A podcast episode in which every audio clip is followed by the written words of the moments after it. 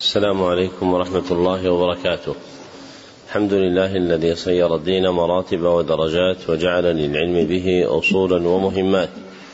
وأشهد أن لا إله إلا الله حقا وأشهد أن محمدا عبده ورسوله صدقا. اللهم صل على محمد وعلى آل محمد كما صليت على إبراهيم وعلى آل إبراهيم. اللهم بارك على محمد وعلى آل محمد كما باركت على إبراهيم وعلى آل إبراهيم إنك حميد مجيد. أما بعد فقد فرغنا بحمد الله وتوفيقه وعونه من قراءة المتون المقررة شرحا في برنامج مهمات العلم وهي خمسة عشر متنا. أولها كتاب تعظيم العلم وآخرها تفسير الفاتحة وقصار المفصل.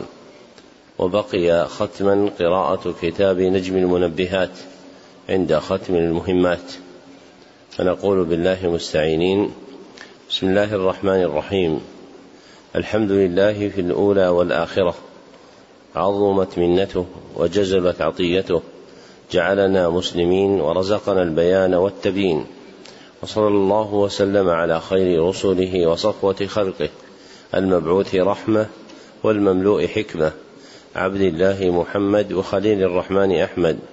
صلى عليه ربه مع سلام يتبع وعلى آله وصحبه أجمع. الحمد لله على الإيمان ونعمة التوفيق للبيان. ثم الصلاة أردفت سلامي على النبي والآل في الدوام. أما بعد فإن المرء مفتقر إلى صاحب يأنس به ويأوي إليه لأنه مدني الطبع إنساني النزع. ومن الجاري بين العرب قولهم لولا, لولا الوئام لهلك الأنام أي لولا انتفاع الناس انتفاع الخلق بعضهم ببعض وقيام سوق المؤانسة والمنفعة بينهم لهلكوا. وأنفع الأصحاب صادقهم ممن يرى لك من الحق مثل ما ترى له وذلكم هو المؤمن. فإن الله جعل المؤمنين بعضهم لبعض أولياء يبسطون فراش الرحمة. ويمدون يد العون.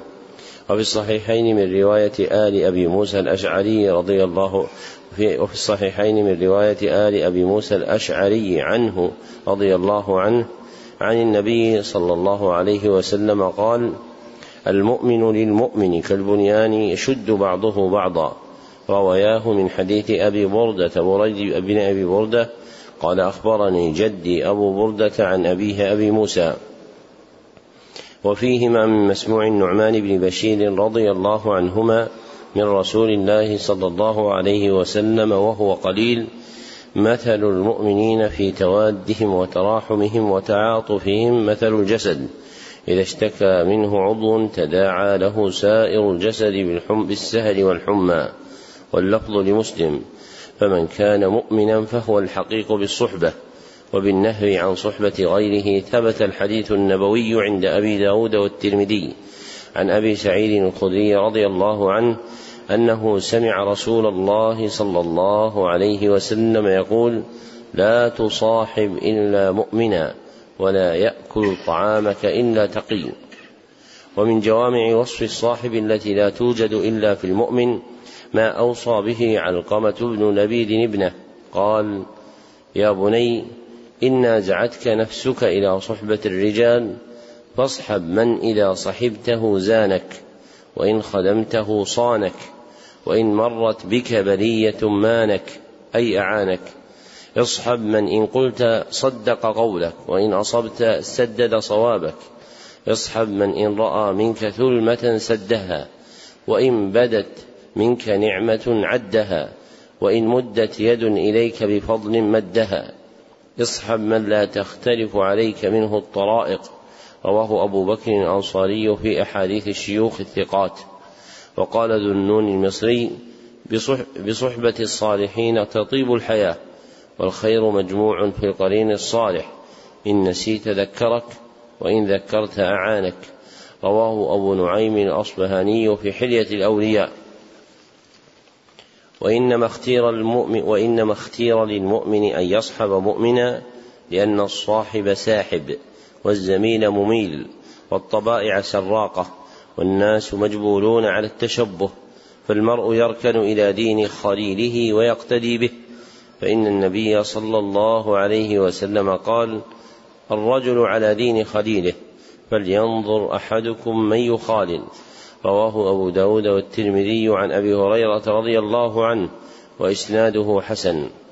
قال الخطابي في كتاب العزلة معناه لا تخالل إلا من رضيت دينه وأمانته فإنك إذا خاللته قادك إلى دينه ومذهبه ولا تغرر بدينك ولا تخاطر بنفسك فتخالل من ليس مرضيا في دينه ومذهبه. وفي ديوان الشعر الفائق مبنى ومعنى قول عدي بن زيد عن المرء لا تسأل وأبصر قنينه فإن القرين بالمقارن يقتدي. روى ابن بطة في الإبانة الكبرى عن الأصمعي قال لم أر بيتا قط أشبه بالسنة من قول عدي فذكره. ومن صحبة المؤمنين الصحبة في العلم وهي ثلاثة أنواع. أحدها صحبة الشيخ للشيخ وهي المنعقدة بين من فتح الله عليهما في النفع بالعلم وإفادة الطالبين إعظاما للعلم بتأكيد أنه مع الإخلاص والصدق من أعظم أسباب المحبة وموجبات المعونة بين أهله.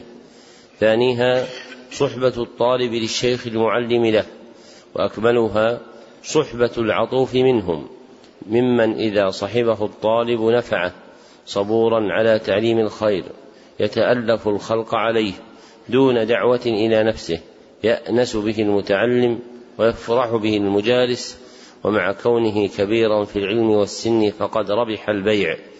ثالثها صحبة الطالب للطالب والزمالة في العلم إن سلمت من الغوائل نافعة في الوصول إلى المقصود إذا كان رابطها الفضيلة وداعيها الإفادة.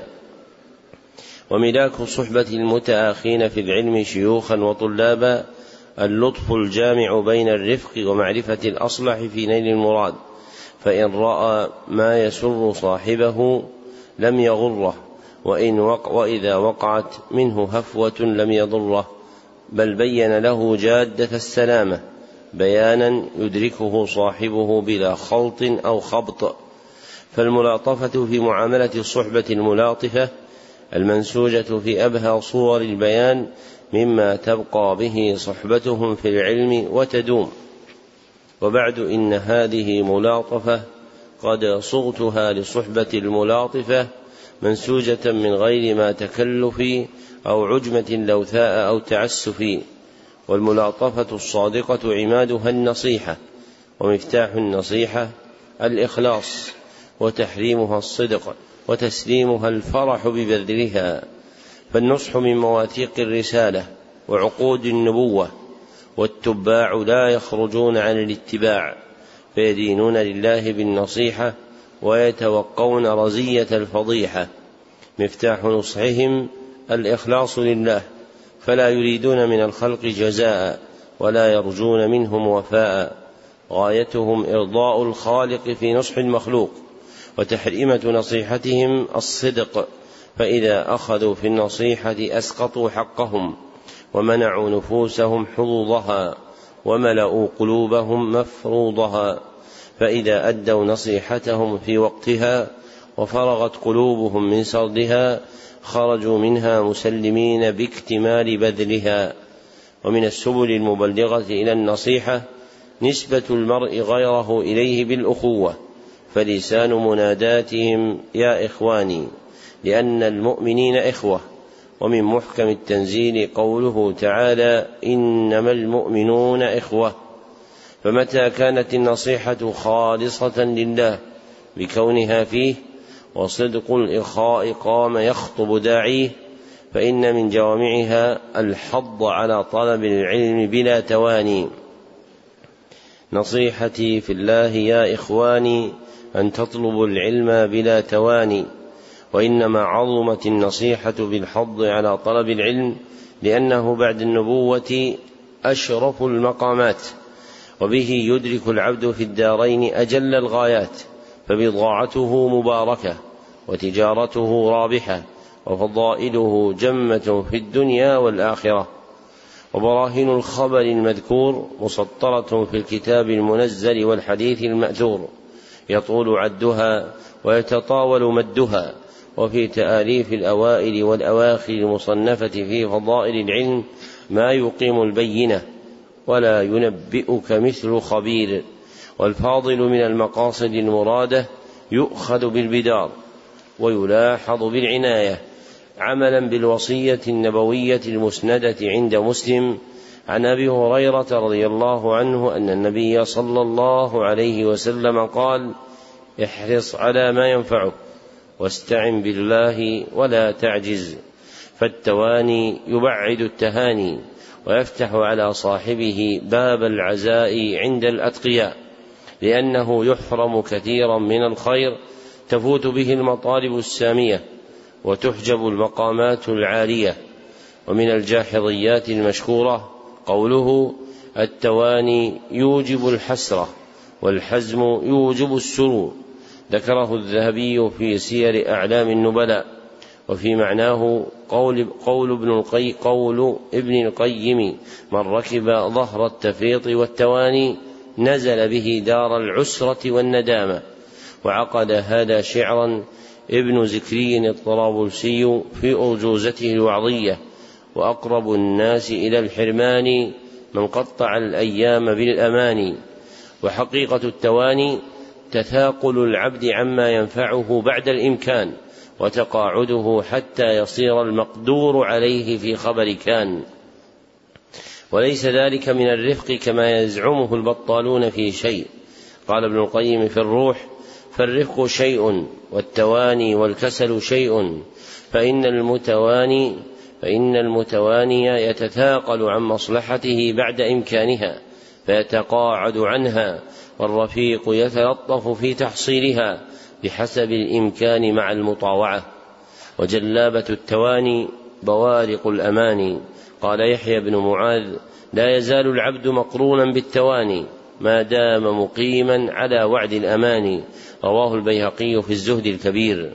وفي ترجمة سعيد بن سلام القيرواني من السير الذهبية قوله من أعطى الأماني نفسه قطعتها بالتسويف والتواني فأخرج نفسك من كتيبة التواني وحلق بها في مصاعد السمو الفوقاني أنشد أبو السعود بن محمد الحنفي لنفسه في قصيدة طويلة أوردها صاحب الشقائق النعمانية قوض خيامك وارتحل من سوحهم ودع التواني لا تحين تواني سر في فضاء العالم العلوي كم هذا الجثوم بعالم جثمان ومن النصيحة في أخذ العلم لزوم التأني وتجافي زلة التمني فمن تأنى نال ما تمنى. ومن تعجل زلت قدمه فربما انكسرت وانقطع في الطريق. فما أحسن تتميم ما سبق من المنبهات المبثوثة بقول منشدكم وتلزموا في أخذه التأني وتحذروا من زلة التمني. فمن يسر تريثا ينال مدونه تساقط الرجال ومن يكن معجلا يميل عن مهيع التعليم ذا هزيل. ومطلع حسنه في الوصية بالتأني والتحذير من التمني ومن مفاريد الترمذي الحسان دون بقية الستة. حديث عبد الله بن سرجس المزني رضي الله عنه قال قال رسول الله صلى الله عليه وسلم السمت الحسن والتؤدة والاقتصاد جزء من أربعة وعشرين جزءا من النبوة. والحجة في لزوم التأني في طلب العلم وترك العجلة قوله تعالى وقال الذين كفروا لولا نزل عليه القرآن جملة واحدة كذلك لنثبت به فؤادك ورتلناه ترتيلا. ذكره الخطيب البغدادي في الفقيه والمتفقه والراغب الأصفهاني في مقدمة جامع التفسير. ومن شعر ابن النحاس الحلبي قوله اليوم شيء وغدا مثله من نخب العلم التي تلتقط يحصل المرء بها حكمة وإنما السيل اجتماع النقط. والناس في أخذ العلم طائفتان فمنهم من يسير في تحصيل مطلوبه بالتأني متريثا والتريث الإبطاء والممدوح منه المقترن بالعقل والعمل. فيفضي به سيره إلى نيل مطلوبه الذي تساقط الرجال دون بلوغه ومنهم من تأخذه العجلة وتغلبه سكرة الوصول ونشوة المأمول فيحيد عن الطريق ويخرج عن جادة التعلم فتلحقه الأسقام وتمجه الأفهام فينحل عوده ويضعف أيده. هزيل العلم كعظم بلا لحم عليه أو شجر لا ثمر فيه. وعاقبة العجلة وخيمة لا تعجلن لأمر أنت طالبه فقلما يدرك المطلوب ذو العجل فذو التأني مصيب في مقاصده وذو التعجل لا يخلو عن الزلل. ومن المحذور المحظور زلة التمني بتحديث النفس بالمطلوب دون بذل الجهد في تحصيله. فإن المفلس يتسلى بالأماني ويسترسل معها فيبحر خياله وهو محبوس في قيد الأوهام. لم تترق نفسه للمعالي ولا بلغ مقصوده من العوالي. فكره في مركب الربح شارد وقلبه على ديوان الخسارة وارد. قال علي بن محمد الصائغ من فساد الطبع التمني والأمل. ومن النفحات النجدية في الحقائق القلبية بديعة فيصل آل مبارك في تحقيق الفرقان بين التمني والرجاء أن التمني يصاحبه الكسل والرجاء يبعث على صالح العمل. وما طلب المعيشة بالتمني ولكن ألق دلوك في الدلاء. تجيء بملئها طورا وطورا تجيء بحمأة وقليل ماء. ومهيع التعليم المطلوب إقامة النفوس عليه لا يخفى على باحث حثيث أو ناهض مستغيث وهو تلقي أصول العلوم المدخرة في أمات المتون في أنواع الفنون حفظا وفهما ومن بدائع المقترحات في تسمية الأشياء بحقائقها كتب الجادة عند متأخر العراقيين. يعنون بها قوام العلوم من المتون الجديرة بالأخذ حفظا وفهما. فالآمر بخير لكم هو الدال عليها. فلتدرسوا من المتون ما اشتهر فإنما التحصيل أخذ بالأثر. وحاذروا من حصره بما شهر فربما النفاع ليس يشتهر. وإنه من يعلم المشهور يزيده أن يعلم المستور. فالنافع من متون العلم مشهورها الذي جرى عليه العمل في تلقين مسائل العلوم وشهرتها نسبية فللمشارقة ما لهم وللمغاربة ما لهم وما اختص به قطر منها فهو لأهله والموفق من هدي إلى تقديم الفاضل فيما وقع فيه التشارك ومن مثله اختصاص المشارقة وطائفة من المغاربة بنظم العمريطي للورقات في الأصول واختصاص كثير من المغاربة بنظمها للكنتي وثانيهما أحسن وضعا وأتمهما لمقاصد الورقات جمعا.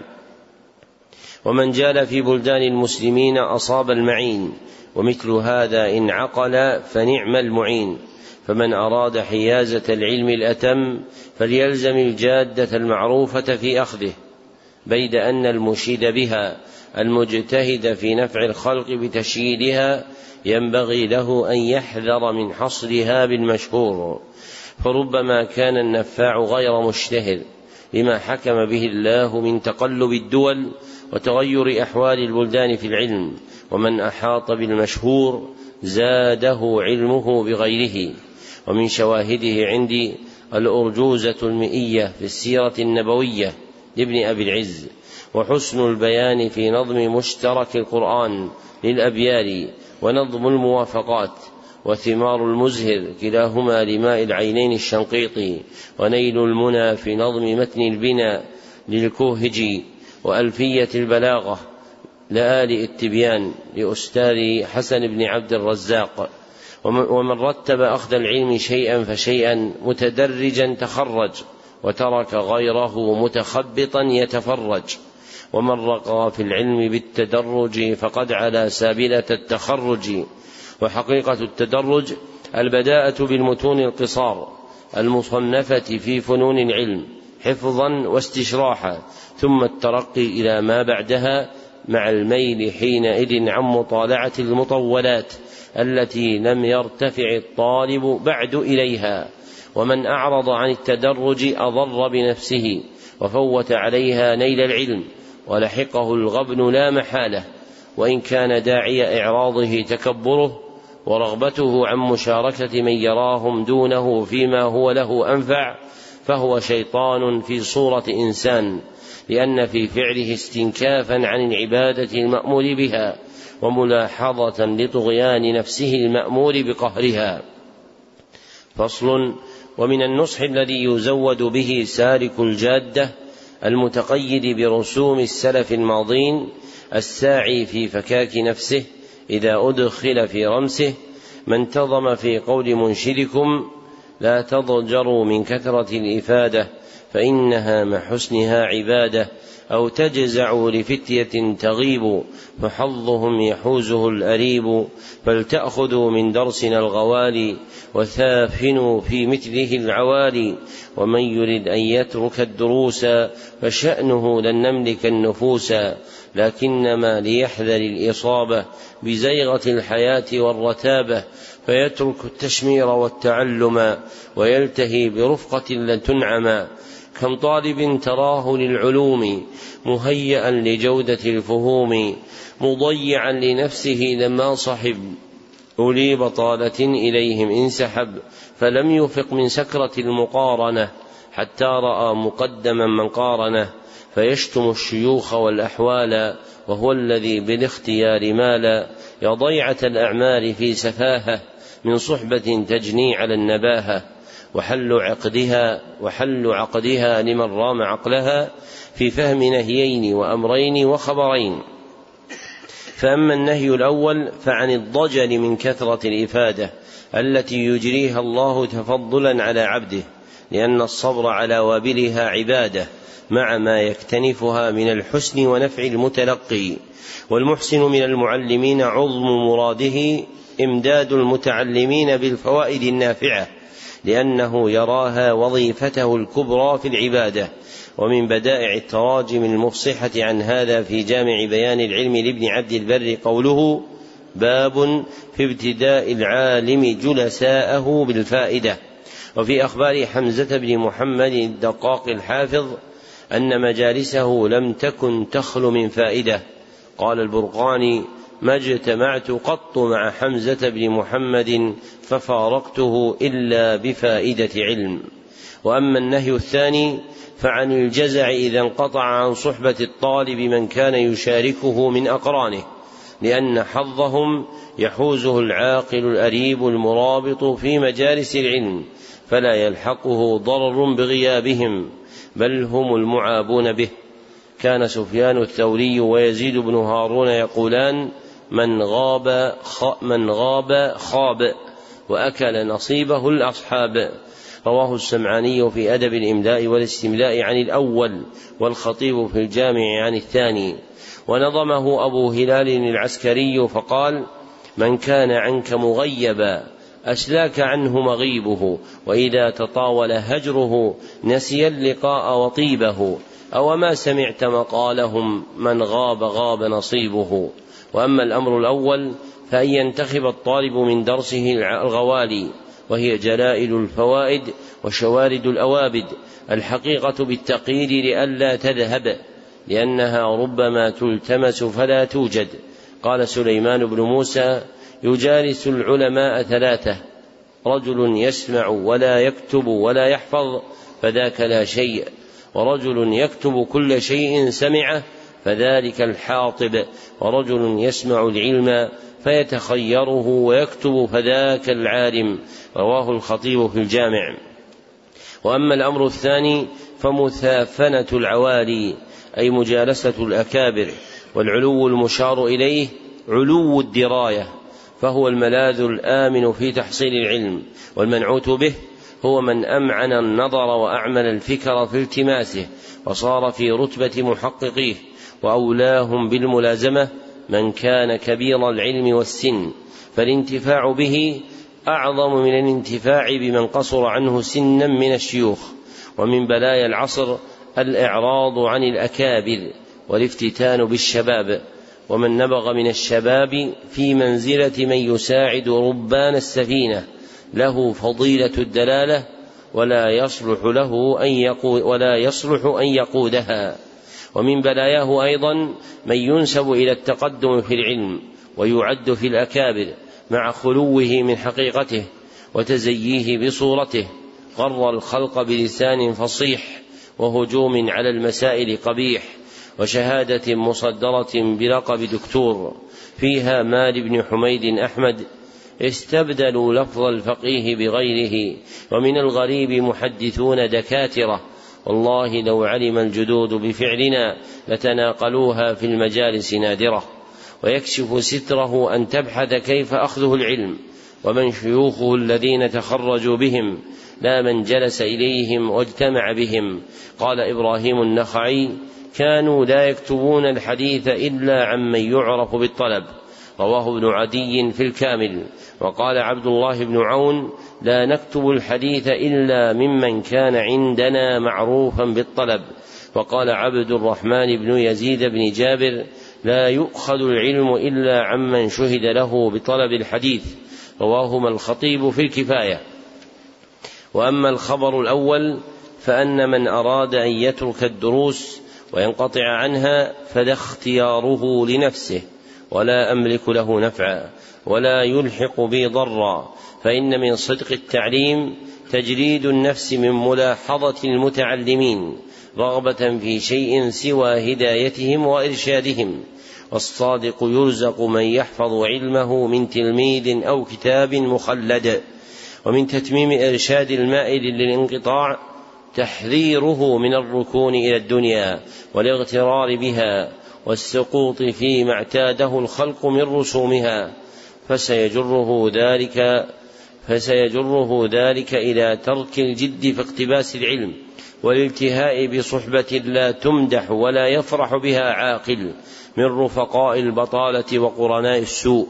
وأما الخبر الثاني فتوجع على ضياع من له أهلية في العلم من الطلاب. لما حباه الله به من جودة الفهم وقوة الحفظ إذا ترك التعلم مغترا بصحبة, بصحبة البطالين فلم تزل سكرة مقارنتهم تغطي عقله حتى أبصر تقدم من كان يصحبه في العلم عليه فأفاق من السكرة وراجع الفكرة لكنه حمل جناية تأخره شيوخه والأحوال المحيطة به. ونسي البعيد أنه هو الذي اختار طريقه واختط خطته فضاع عمره في سفاهة مع صحبة جنت على النباهة ولئن لم يتدارك نفسه بقي في ظلمة هواه ولقي في الدارين ما لا تحمد عقباه. ومن روائع المتنبي ولم أر في عيوب الناس عيبا كنقص القادرين على التمام.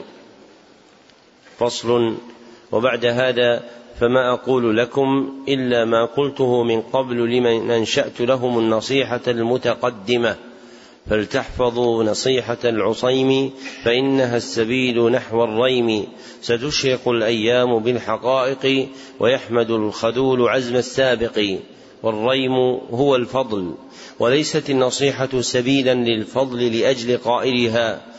فإن له من الخطايا ما ينزله عن رتبة الاقتداء ويرجو من ربه أن يغفرها له يوم القضاء. لكن لمن انتظم فيها من المعاني المقررة عند أساطين العلم وأربابه فما فيها مقاصد مرادة لهم. رسموا معانيها ونحت مبانيها. والفصل بين المتنازعين في حقيقة صراط العلم المستبين. سيبدو إذا أشرقت الأيام بعد دوران فلكها بالحقائق فبان لسالك الجادة حميد فعله وجميل صنعه وشهد نعمة الله عليه فقد هداه إلى ما به نال العلم وحازه وبان لمن اختط جادة محدثة أو خبط صنوفا مبتثة قلة المحصول وفوات المأمول وعندها يحمد الخذول عزم السابق. ولقد رأيت في من صحبته قرينا وفي من صحبني متعلما أمينا. من دلائل الحق ما يزيد قلبي طمأنينة ويملأ نفسي سكينة. أن سلوك الجادة السوية يبلغ العبد المقاصد المرضية وأن العدول عنها يضيع به عمر كثير مع فائدة قليلة. ومن جرب مثل تجربتي عرف مثل معرفتي والبوح بها رحمة للمتعلمين. يرجى بها بلوغ رحمة أرحم الراحمين. لما ثبت في الحديث الراحمون يرحمهم الرحمن ارحموا من في الأرض يرحمكم من في السماء. حدثناه محمد تاج الدين ابن أحمد البشير الكنبلشي وهو أول حديث سمعته منه. قال حدثنا عبد القادر بن توفيق الشلبي وهو أول حديث سمعته منه. قال حدثنا أبو النصر بن عبد القادر الخطيب وهو أول حديث سمعته منه. قال حدثنا محمد بن خليل الحسني وهو أول حديث سمعته منه. قال حدثنا محمد بن أحمد البهي وهو أول حديث سمعته منه. قال حدثنا محمد بن محمد الحسيني وهو أول حديث سمعته منه. قال حدثنا داود بن سليمان الخربتاوي وهو أول حديث سمعته منه. قال حدثنا محمد الفيومي المصري وهو أول حديث سمعته منه.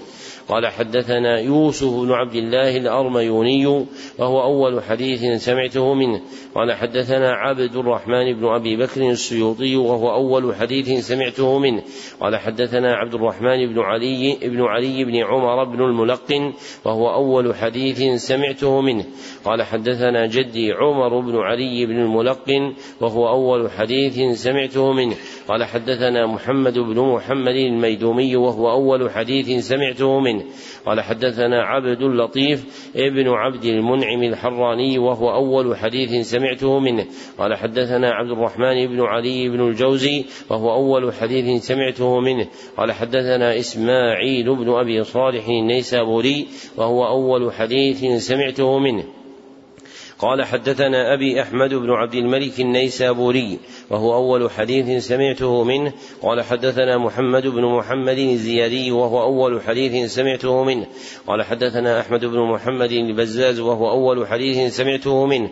قال حدثني عبد الرحمن بن بشر بن الحكم وهو أول حديث سمعته منه. قال حدثني سفيان بن عيينة وهو أول حديث سمعته منه. عن عمرو بن دينار عن أبي قابوس مولى عبد الله بن عمرو بن العاص عن عبد الله بن عمرو بن العاص رضي الله عنهما عن رسول الله صلى الله عليه وسلم قال الراحمون يرحمه الرحمن ارحموا من في الأرض يرحمكم من في السماء. حاء وحدثني عبد الباقي بن أحمد الأزهري وهو أول حديث سمعته منه. قال حدثنا أبو النصر بن محمد ابن خليل الحسني وهو أول حديث سمعته منه. قال حدثنا أبي وهو أول حديث سمعته منه بإسناده المتقدم. حديث حسن أخرجه أبو داود. قال حدثنا أبو بكر بن أبي شيبة ومسدد. قال حدثنا سفيان وأخرجه الترمذي. قال حدثنا ابن أبي عمر. قال حدثنا سفيان به دون تسلسل فوقع لنا بدلا لهما عاليا. فصل وهذه الأبيات المضمنة البيان المتقدم مما تقادم من شعر منشدكم. أنشأها نصحا لجماعة من الآخرين عنه وجعل اسمها تحفة الملاطفة في نصح الصحبة الملاطفة. وسياقها المتصل الحمد لله على الإيمان ونعمة التوفيق للبيان ثم الصلاة أردفت سلامي على النبي والآل في الدوام. وبعد إن هذه ملاطفة قد صغتها للصحبة الملاطفة منسوجة من غير ما تكلف أو عجمة لوثاء أو تعسف نصيحتي في الله يا إخواني أن تطلبوا العلم بلا تواني وتلزموا في أخذه التأني وتحذروا من زلة التمني فمن يسر تريثا ينال ما دونه تساقط الرجال ومن يكن معجلا يميل ومن يكن معجلا يميل عن مهيع التعليم ذا هزيل. فلتدرسوا من المتون ما اشتهر فإنما التحصيل أخذ بالأثر. وحاذروا من حصره بما شهر فربما النفاع ليس يشتهر وإنه من يعلم المشهور يزيده أن يعلم المستور. ومن رقى في العلم بالتدرج فقد على سابلة التخرج. لا تضجروا من كثرة الإفادة فإنها مع حسنها عبادة. أو تجزع لفتية تغيب فحظهم يحوزه الأريب فلتأخذوا من درسنا الغوالي وثافنوا في مثله العوالي ومن يرد أن يترك الدروس فشأنه لن نملك النفوس لكنما ليحذر الإصابة بزيغة الحياة والرتابة فيترك التشمير والتعلم ويلتهي برفقة لن تنعم كم طالب تراه للعلوم مهيئا لجودة الفهوم مضيعا لنفسه لما صحب أولي بطالة إليهم انسحب فلم يفق من سكرة المقارنة حتى, أتى حتى رأى مقدما من قارنه. فيشتم الشيوخ والأحوال وهو الذي بالاختيار مال يا ضيعة الأعمال في سفاهة من صحبة تجني على النباهة فلتحفظوا نصيحة العصيم فإنها السبيل نحو الريم ستشرق الأيام بالحقائق ويحمد الخذول عزم السابق ولم تزدني السنوات المتتابعة والحوادث المتلاحقة إلا إيمانا بما فيها ووثوقا بمعانيها إذ رأيت بعدها أثر الاقتداء وما يثمر وعاقبة العشواء وما تهدر وفي صرف الدهر أخبار وحكايات ترشد عن أحوال ونهايات فالشقي من شقي في بطن أمه والسعيد من وعظ بغيره ومن هدي إلى الرشد وإلى طريق مستقيم سار بسير الأوائل العارفين واهتدى بمسالك البررة المتقين لا تغيره العوادي الحادثة ولا تستهويه العواتي النافثة. يحفظ المهمات ويتفهم المبينات ويتقن البينات. إن ترك الناس السبيل وعدلوا عنها مع فقد المرشد الدليل صاح فيهم أولئك الذين هدى الله فبهداه مقتده. وإن ساروا خلف دعوى جديدة وركبوا موجة زعموها رشيدة ناداهم إن هذا لهو البلاء المبين. يحفظ ما حفظ السابق الأول ويستشرح ما عليه المعول ينقل قدمه بالتأني على الأثر ويصعد نظره إلى المعالي بتقريب الفكر. لا يقدم شيئا على علوم العلماء السالفين ولا يزهد في إفادات فضلاء المتأخرين. فمن رام العلم فليحفظ هذه الوصية وليصلح كمائن الطوية مع دوام الانكسار للجبار والدعاء بأفضل الاختيار استودعت الله نصيحتكم إنه لا تضيع ودائعه وإذا استودع شيئا حفظه وهو على كل شيء شهيد. اللهم رب النبي محمد اغفر ذنوبنا وأذهب غيظ قلوبنا وأجرنا من مضلات الفتن ما أصابنا. ربنا اغفر لنا خطيئاتنا وإسرافنا في أمرنا كله وما أنت أعلم به منا. اللهم اغفر لنا خطأنا وعمدنا وجهلنا وهزلنا وكل ذلك عندنا. اللهم اغفر لنا ما قدمنا وما أخرنا وما أسررنا وما أعلنا. أنت المقدم وأنت المؤخر وأنت على كل شيء قدير. اكتبوا طبقة سماعه. سمع علي جميع لمن حضر الجميع وبعض لمن حضر البعض. نجم المنبهات عند ختم المهمات. من لفظ صاحبنا فلان بن فلان بن فلان الفلاني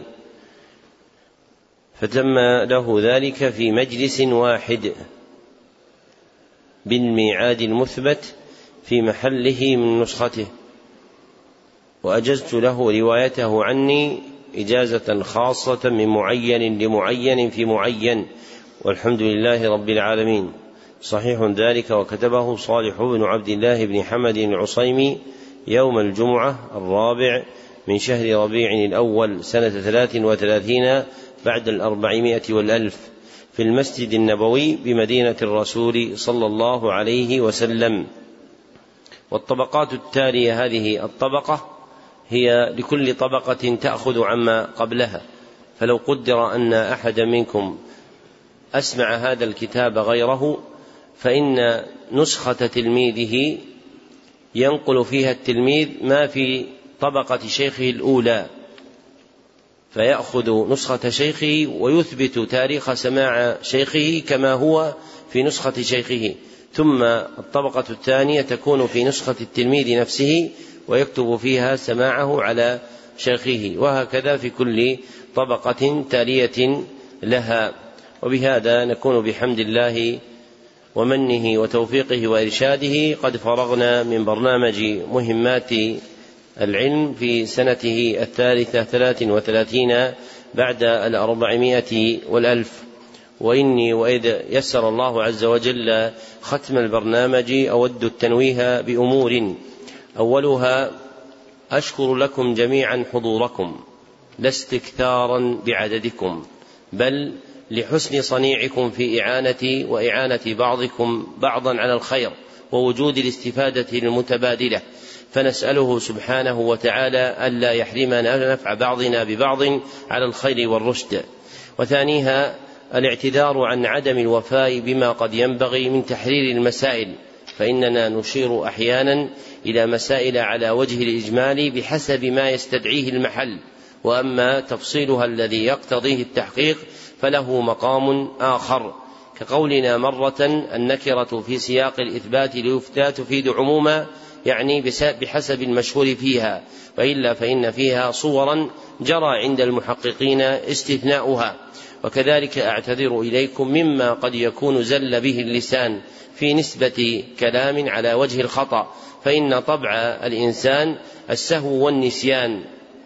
فتارة أردت أن أذكر لكم تعريف الشك فذكرت تعريف الريب وإنما تعريف الريب شيء والشك شيء آخر فالريب قلق النفس واضطرابها والشك تداخل الأمر في النفس وكذا مثله عزو استحباب النظر إلى محل السجود إلى المالكية فإن مذهبهم النظر إلى الإمام.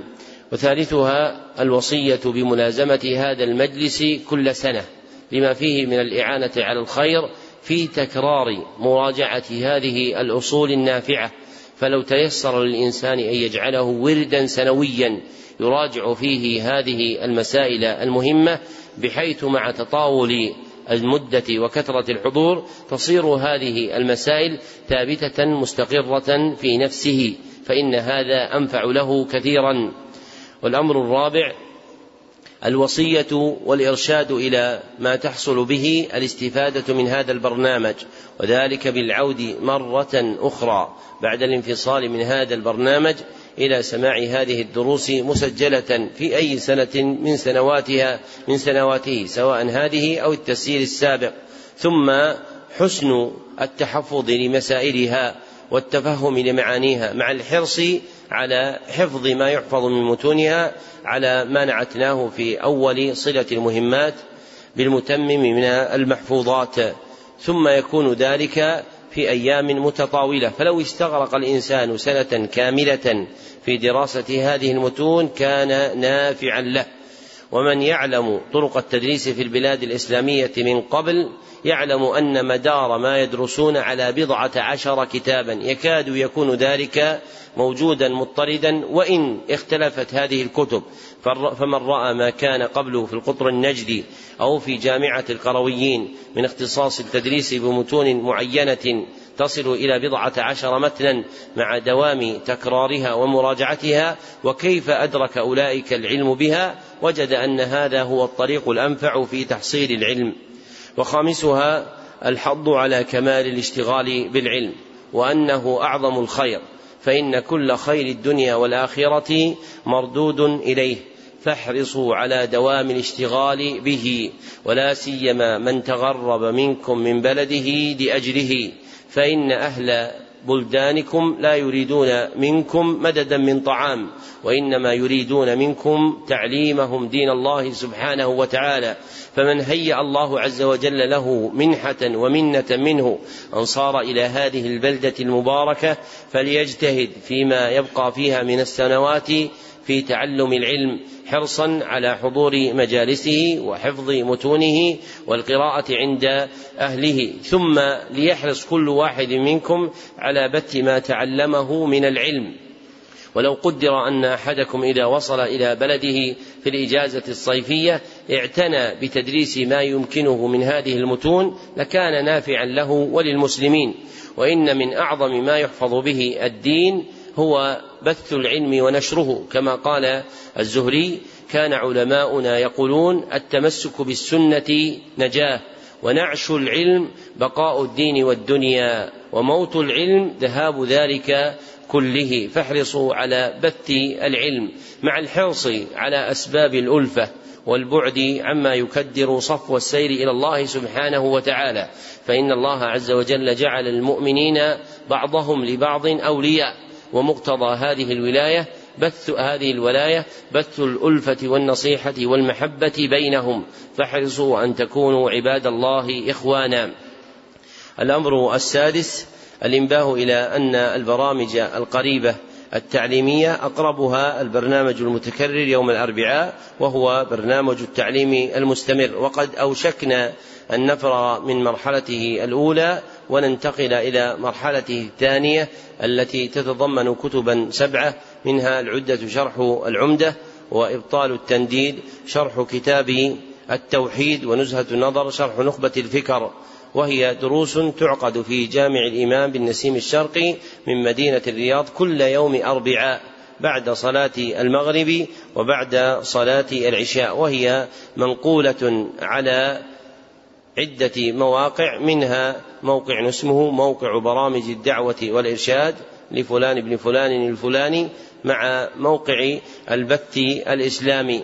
ويليه إن شاء الله قريبا في آخر هذا الشهر. برنامج آخر هو برنامج منتخب الأبواب والفصول الخامس. ومن أراد أن يتواصل في متابعة البرامج فإنه يمكنه ذلك عن طريق الموقع المذكور وهو موجود عنوانه في كل كتاب من الكتب.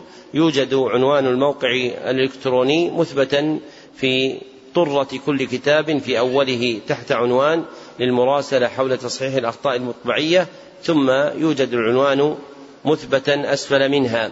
كما يمكن أيضا متابعة البرامج وغيرها من الإفادات عن طريق الصفحة الشخصية في في موقع التواصل الاجتماعي المسمى بتويتر. وهذه المواقع التي جعلت للتواصل الاجتماعي فيها خير وفيها شر.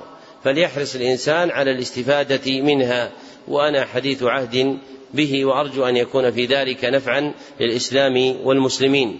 كما أنني آمل منكم جميعا أن تزودوني بما تجدونه من التصحيحات على هذه النسخ من الأخطاء المطبعية وذلك بإرسالها إلى الموقع الإلكتروني المثبت على كل كتاب. ومن كان عنده اقتراح في تطوير هذا البرنامج خاصة أو غيره من البرامج التي تتعلق بالدعوة والإرشاد فإنه يراسله عن طريق هذا الموقع المثبت عنوانه على طرة الكتاب.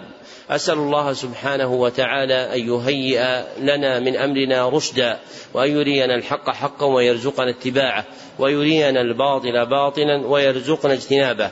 اللهم آت نفوسنا تقواها وزكها أنت خير من زكاها أنت وليها ومولاها. اللهم إنا نسألك الهدى والتقى والعفاف والغنى.